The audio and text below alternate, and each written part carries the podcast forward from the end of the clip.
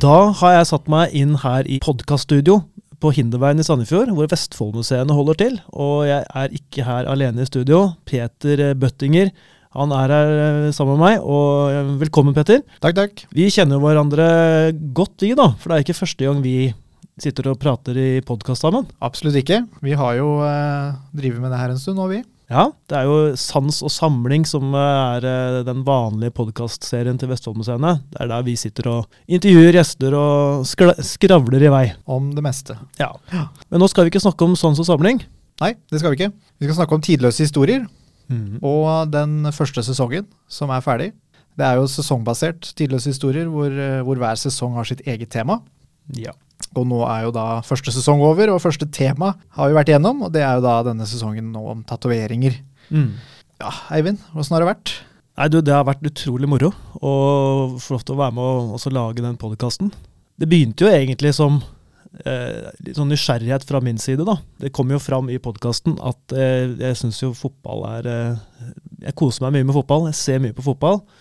Og der ser man jo at utrolig mange av fotballspillerne har sjømannstatoveringer. Så det var egentlig sånn det her begynte. At uh, jeg blei litt nysgjerrig på hvorfor, uh, hvorfor har de anker, hvorfor har de seilskute på armene. Og så balla det egentlig på seg. Og så hadde vi også Jeg jobber jo, eller har jo kontorplass på Hvalfangstmuseet. Eh, som er en Ja, det er jo et maritimt museum, kan du si. da. Så der, eh, der er jo tatoveringer. Vi selger en bok om dette her. Vi har hatt foredragsholder om dette. Og vi har også store bilder utstilt av tatoverte sjømenn. Så det var liksom Jeg hadde jo vært litt innom det der før, men så mm. fikk det litt mer eh, når jeg fikk kobla det opp mot fotball og sånn, så søren heller. Det her må jeg finne ut av. Så det starta med fotball og, og hvalfangst? Ja, det si. kan du ja. godt si. Ja. ja. Det er ikke gærent. Men uh, hva du, altså, Det er klart Nå som vi har hørt sesongen, så, så, så sys jo dette her veldig godt sammen. Mm. Men hvordan på en måte var prosessen Hva tenkte du? Ok, Hvalfangere, uh, sjøfolk, fotballspillere.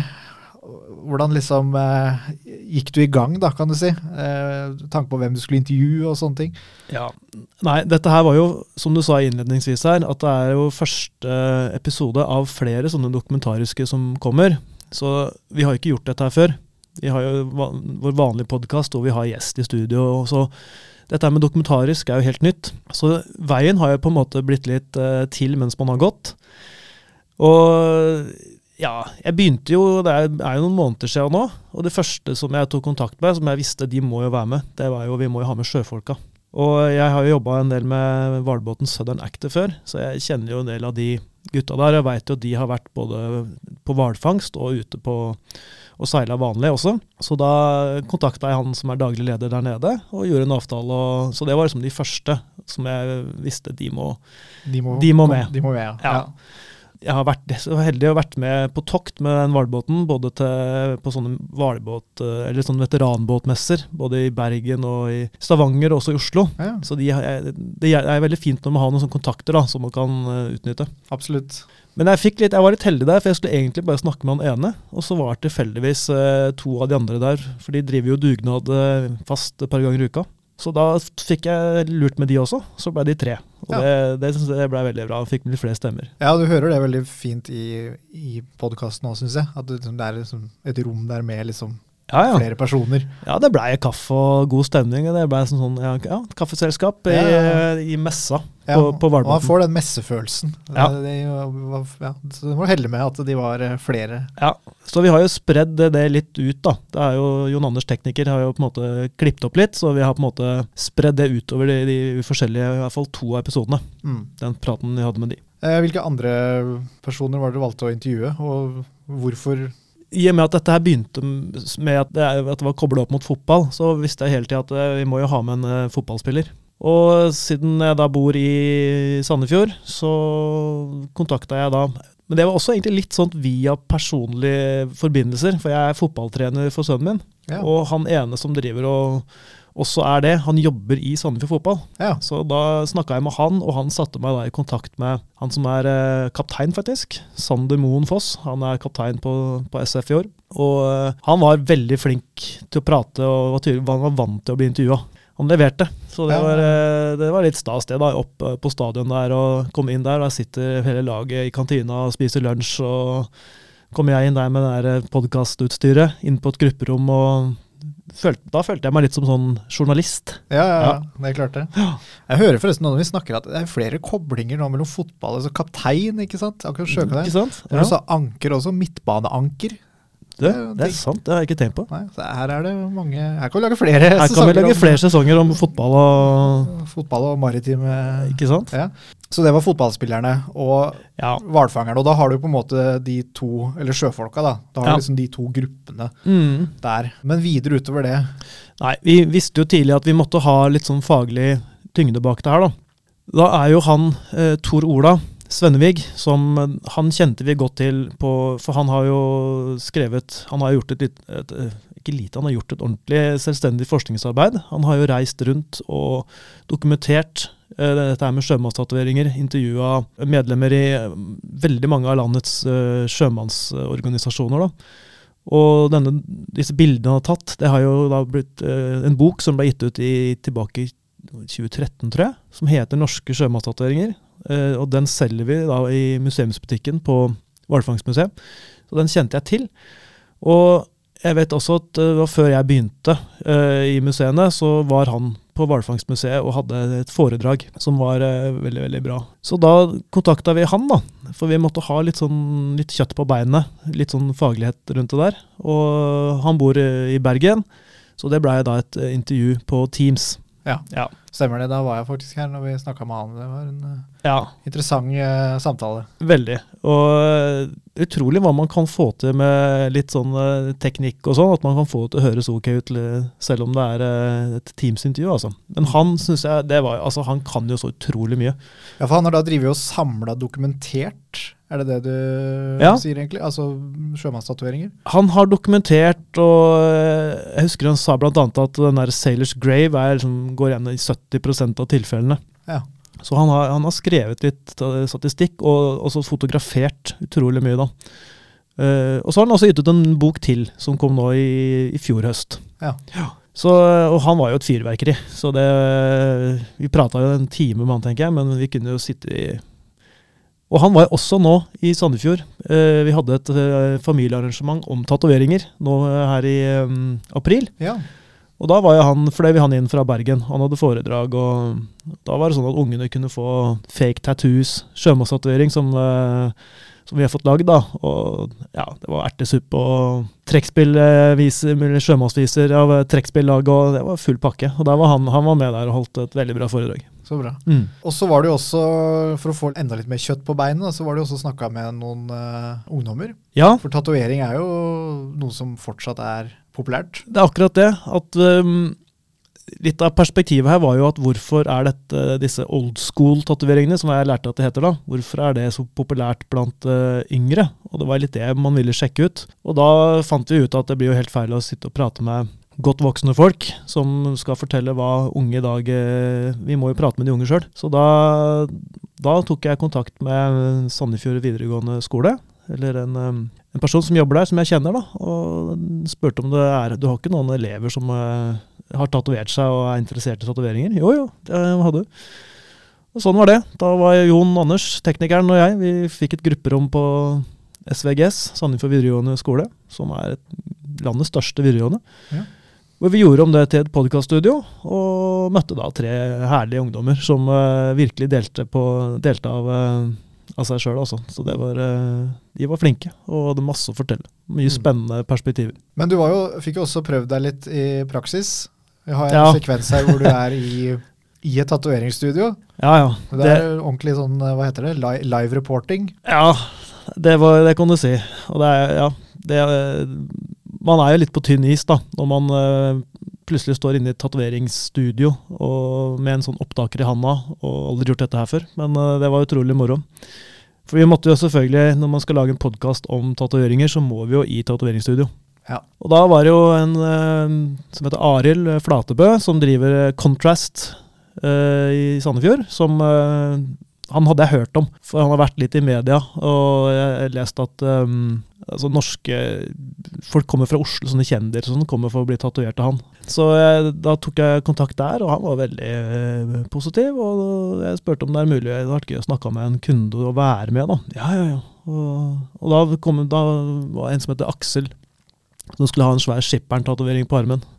Og de to også var utrolig lette å intervjue. De bare fortalte og prata, og det gikk eh, av seg sjøl, egentlig. Så jeg var veldig heldig med intervjuobjektene. Og så fikk jeg et sjokk da, når eh, han sitter i stolen der, etter først å ha prata med hver av de, hvor eh, jeg ble invitert til å være med og tatovere. Ja, Hadde ikke forventa den. Nei, det er ikke det jeg så for meg da jeg dro på jobb den dagen der, at jeg skal være tatovør i løpet av dagen. Nå var det riktignok ikke Det var en liten prikk, så det var ikke noe det var ikke noe svære greier, men det var uh... Nei, Men likevel, da. Det blir liksom hvis, jeg- hadde vært og intervjua en tannlege, og så står han der og borer som en pasient. Har du lyst til å prøve å bore Ja, litt? det er litt liksom? sånn. Skal du være med å ta vekk litt sånn her ja, Kan jo ta en gjøletann, kanskje. Ja. Den, eh, det, det, var, eh, det var artig. Man må faktisk lenger ned i huden enn det jeg trodde, altså. Det er eh, ingen tvil om. Man må ganske langt ned der for, å, for at det skal funke. Men så ble jeg utfordra òg, da. Syns jo du skal jo ha en du òg. Og så satt jeg der, da. Og jeg, burde, jeg, jeg var jo feig. Så jeg, jeg, jeg droppa det jo. Jeg hadde, jeg hadde ingen tanker om det at jeg skulle ta tatovering. Så det kom for brått på meg. Eh, hvis jeg først skal ha tatovering, så ha- da skal det være noe sånn gjennomtenkt. Ikke noe sånn eh, bare sånn innfall der og da. Nei. Så du angrer ikke på det nå? At du ikke tok en tatovering? Jeg, jeg angrer litt på Jeg angrer ikke på at jeg ikke gjorde det, men jeg syns kanskje jeg, burde, jeg kunne vært litt mer eh, sporty der. For jeg pleier å ta utfordringer.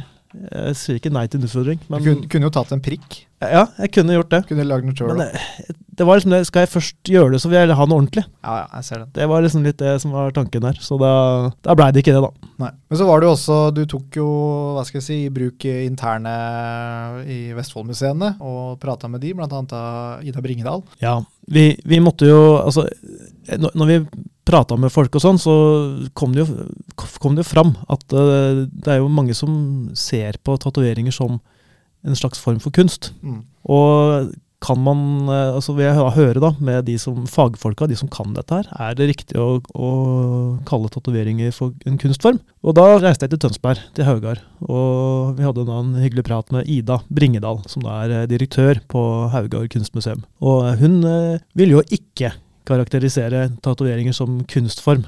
Men selv om hun kunne anerkjenne at uh, det er en kunstnerisk verdi og sånn, det var noe sånt hun sa, men Mm. at det i seg selv er kunst. For hvis noe skal kalles kunst, har jeg lært av henne nå, da, så er det viktig at uh, kunstinstitusjoner anerkjenner det uh, for at det skal kunne kalles kunst. Ok, Ja, Så det, det er kriteriet? Det er et kriterium at Mm. det, fagfolk må anerkjenne det som kunst. Man kan gjerne selv tenke på at det jeg driver med nå er kunst, men at det kan kalles for kunst i en sånn kunstfaglig sammenheng. Det blir feil ifølge henne, da. Hvis, eh, da må man på en måte ha eh, det blir godkjent i sånne gåseøyne av kunstinstitusjoner. Ja, så det er to for, kunst i dagligtalen, da. Det er ikke det samme som den faglig vurderte Det var sånn jeg forsto henne. mm. Mm.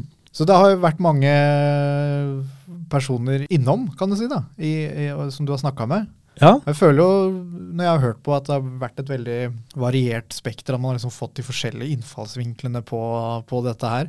Mm. Vi kunne sikkert hatt mange flere òg. Absolutt. Ja. En ting jeg tenker på, det er jo at det er jo veldig mange mannestemmer. Vi har jo noen kvinnelige, bl.a. hun ene skoleeleven og Ida. da. Mm. Men uh, det var litt sånn tilfeldig med at den kunden som han Aksel, som tok den skipperen-tatoveringen, at det, det var han som var tilgjengelig når jeg ba om en avtale der. Og sjøfolka, de var jo menn, ikke sant. Så, Mm. Men jeg, vi, vi fikk jeg balanserte litt ut med, med Ida og hun, øh, hun skoleeleven, da. Ja, absolutt. Men sånn ellers, hva er det du sitter igjen med nå? For nå har du liksom holdt på med det her i Var det i høst, fjor høst du begynte? Så smått? Ja, begynte jo i fjor høst, Ja. høsten 22, og så har man jo gjort intervjuer, og så har det ligget i en periode, og så har man tatt det opp igjen og sånn, så det Nei, hva sitter jeg igjen med? Jeg sitter jo Jeg har jo lært eh, mye, da. Jeg visste jo ikke at eh, dette her på en måte har vart så lenge. At det på en måte vi mennesker alltid har Helt siden steinalderen snakka jo Tor Ola om. At Mm. dette har på en måte vært helt siden da. Og så var jeg heller ikke klar over at det har gått veldig i bølger. At eh, det har på en måte vært kjempepopulært på 1700-tallet. Og så har det blitt eh, Og så har det vokst og eksplodert, og så har det plutselig blitt for mange altså blitt så Hva er det han sier for noe? At eh, når for mange har det, så syns ikke overklassen at det er kult lenger. Nei, for det ble jeg litt overraska over, at han snakka om det at det var et overklassefenomen. Ja. Altså sånn fra Victoria-tida og liksom Mm. Jeg kunne aldri gjetta liksom best, Var det bestemora til Churchill? Ja, mo moren Mor- til Churchill. Moren til Churchill som hadde tatovering. Ja, for det her var jo bølge nummer to igjen, da. Ikke sant? Det var jo på slutten av 1800-tallet. Hvor han fortalte at hun hadde en svær slange på armen. Og så begynte hun å skjule den, fordi det var eh, Alle hadde det. Ja, for det var det liksom gikk av moten, liksom. Ja. Ja, det gikk av moten. Og så har du det her som man sier da med Beckham igjen. Sånn eh, på to, tidlig på 2000-tallet, da. Mm. Så var det den tredje bølgen. ja. Så det, det var jeg ikke klar over at det gikk sånn i perioder. Og, og så syns jeg det var interessant, og det der hvordan For det, var jo, det er jo på en måte tatoveringer blant sjøfolk som var på en måte utgangspunktet her. Hvordan det før andre verdenskrig var på en måte en sånn uh, attest på ditt sjø, sjømannsliv, egentlig. Uh, Tatoveringene viste hvor mange ganger du hadde kryssa ekvator. Hva slags eh, rang du hadde, hva slags eh, arbeid du hadde om bord. Mens etter andre verdenskrig så har det mer det her at man fortsatte å tatovere eh, seilskutene, selv om det var eh, motortankere man jobba på. Mm. Men det blei et sånt symbol på at man var sjømann, da. Mm. Ikke nødvendigvis hva du gjorde når du var til sjøs. Altså, det fikk en mer kunstnerisk betydning enn en praktisk betydning. da. Ja, Ja. egentlig. Ja. Mm.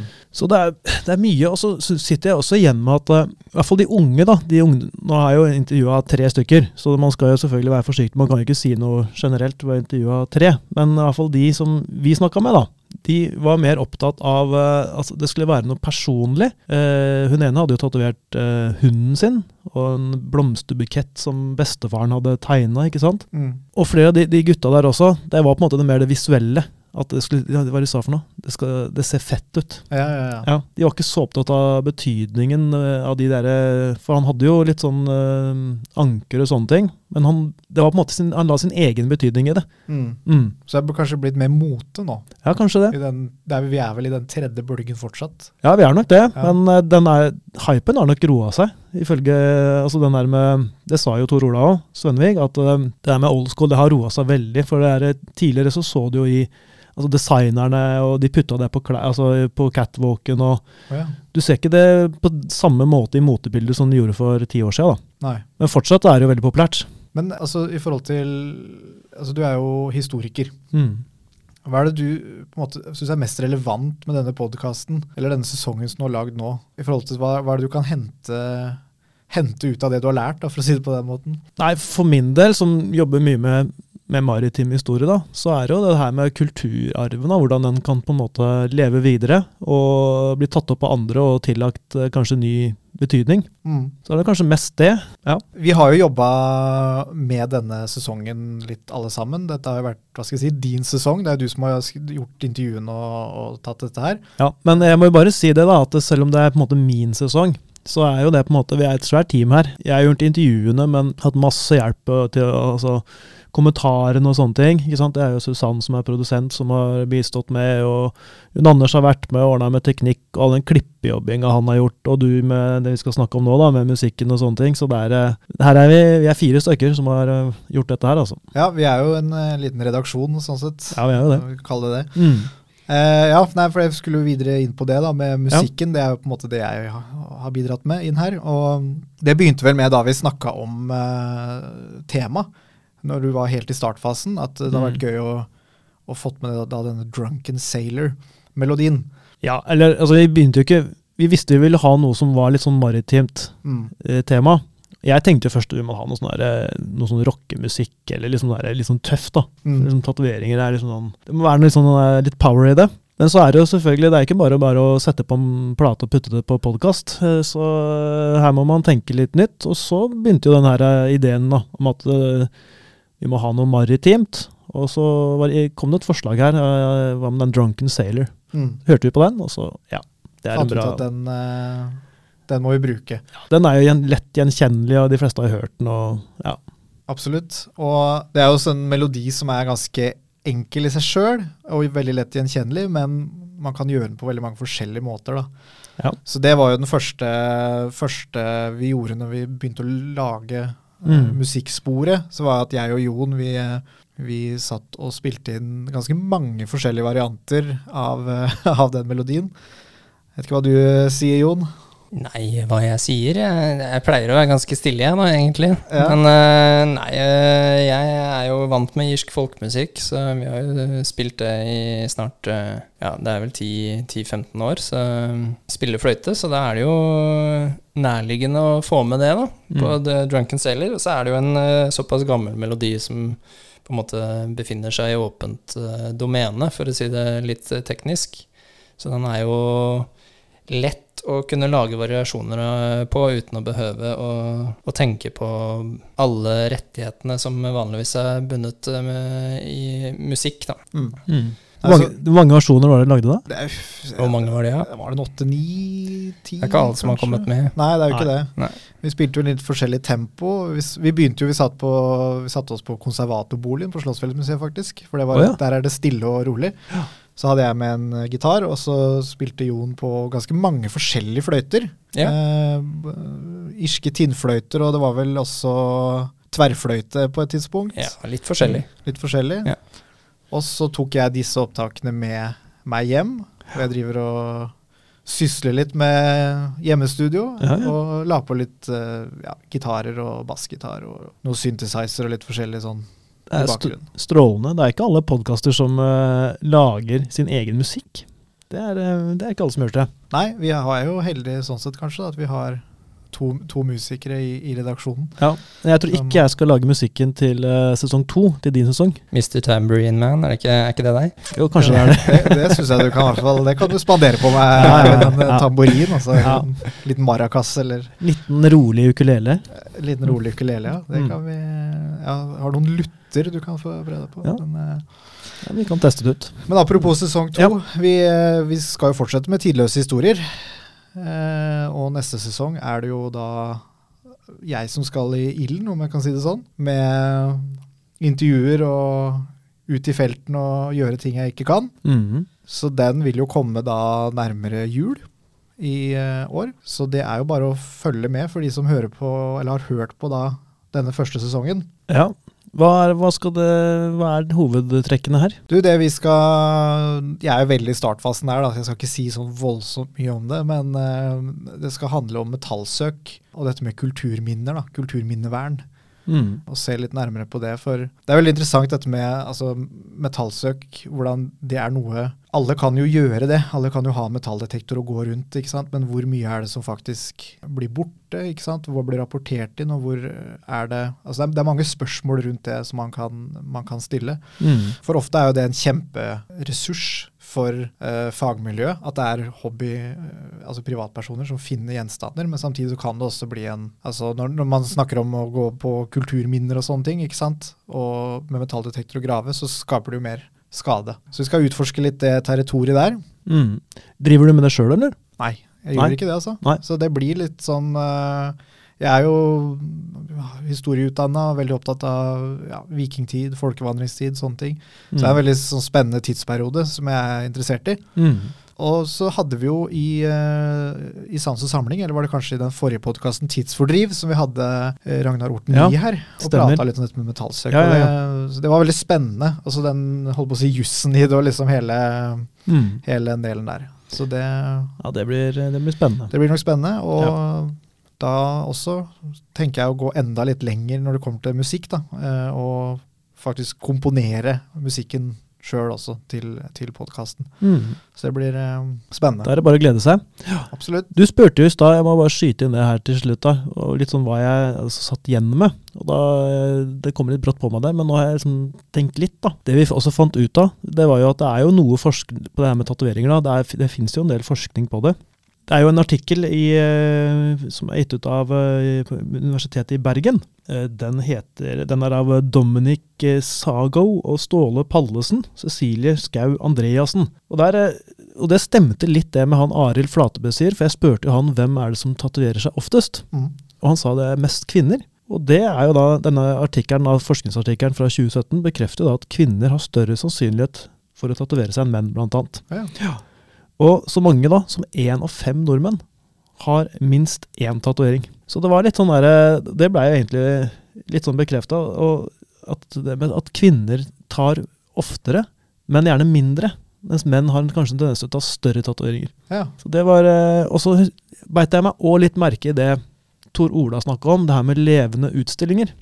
Husker du hva det dreide seg om, Peter? Eh, ja, nei, nå oppsummer gjerne. Oppsummer gjerne. Ja, nei, det var jo i tidligere tider, eh, når det ikke var så vanlig her i Europa. Så eh, når man gjerne kanskje var i Asia for eksempel, da, så tok man da med seg, i gåseøynene, tatoverte folk og viste de ut i Europa og Amerika. Ja, ja. Ja. Mm. For altså, Det ble stilt ut mennesker, så man kunne komme og se på tatoveringene. Og se på hvordan disse menneskene så ut når de var fulle av tatoveringer. Ja. Og her er det det var jeg liksom, det var jeg ikke klar over, da. Og her er det også mange mulige hvis man er, Det sier vi jo i podkasten nå, at her er det, fins det mye bra kilder hvis man vil, vil finne ut mer om dette her. Mm. Og én er jo en bok som heter På ville veier. Levende utstillinger av samer i Europa og Amerika. Den er skrevet av Katrine Baglo. Det er et sted man kan gå hvis man ønsker eh, å få vite mer om dette her med levende utstillinger. Mm. Ja, for det er jo noe som har eh, Altså, det er, ikke, det er ikke så lenge siden som man kanskje skulle ønske at man holdt på med det heller. Nei, det er ikke det. Det var fortsatt spennende uh, tidlig på 1900-tallet. Mm. Det var sikkert da etter en sånn, eller rett i forkant av en av disse bølgene. da. Mm. Det her var veldig spennende å se en naken kropp med tatoveringer på seg. Mm. Ja, Da er vi ved veis er ende vi ved veis ende? av sesong én. Da har vi vel fått oppsummert greit. Jeg syns det. Ja. Det har vært veldig gøy, da. Vi må jo si det. Altså holde Ja. på med dette her. Kjempemoro. Eh, så vi gleder oss til å fortsette med flere sesonger. Det gjør vi. Og vi håper jo at uh, dere som hører på også, følger med oss videre. Uh, det er klart, nå blir det jo et opphold på en eh, fem-seks måneder, men huka på den abonnere-knappen, så får du beskjed når sesong to er Ja. rykende fersk ut av ovnen. Abonner, og hvis dere har syntes det har vært ok, gi oss en, gjerne en god rating. Det er til god hjelp. Det setter vi pris på. Nei, men Fint. Da tror jeg vi sier takk for eh, sesong én av Tidløse historier, og vi venter i spenning på sesong to om metallsøk. Takk for nå. Takk for nå.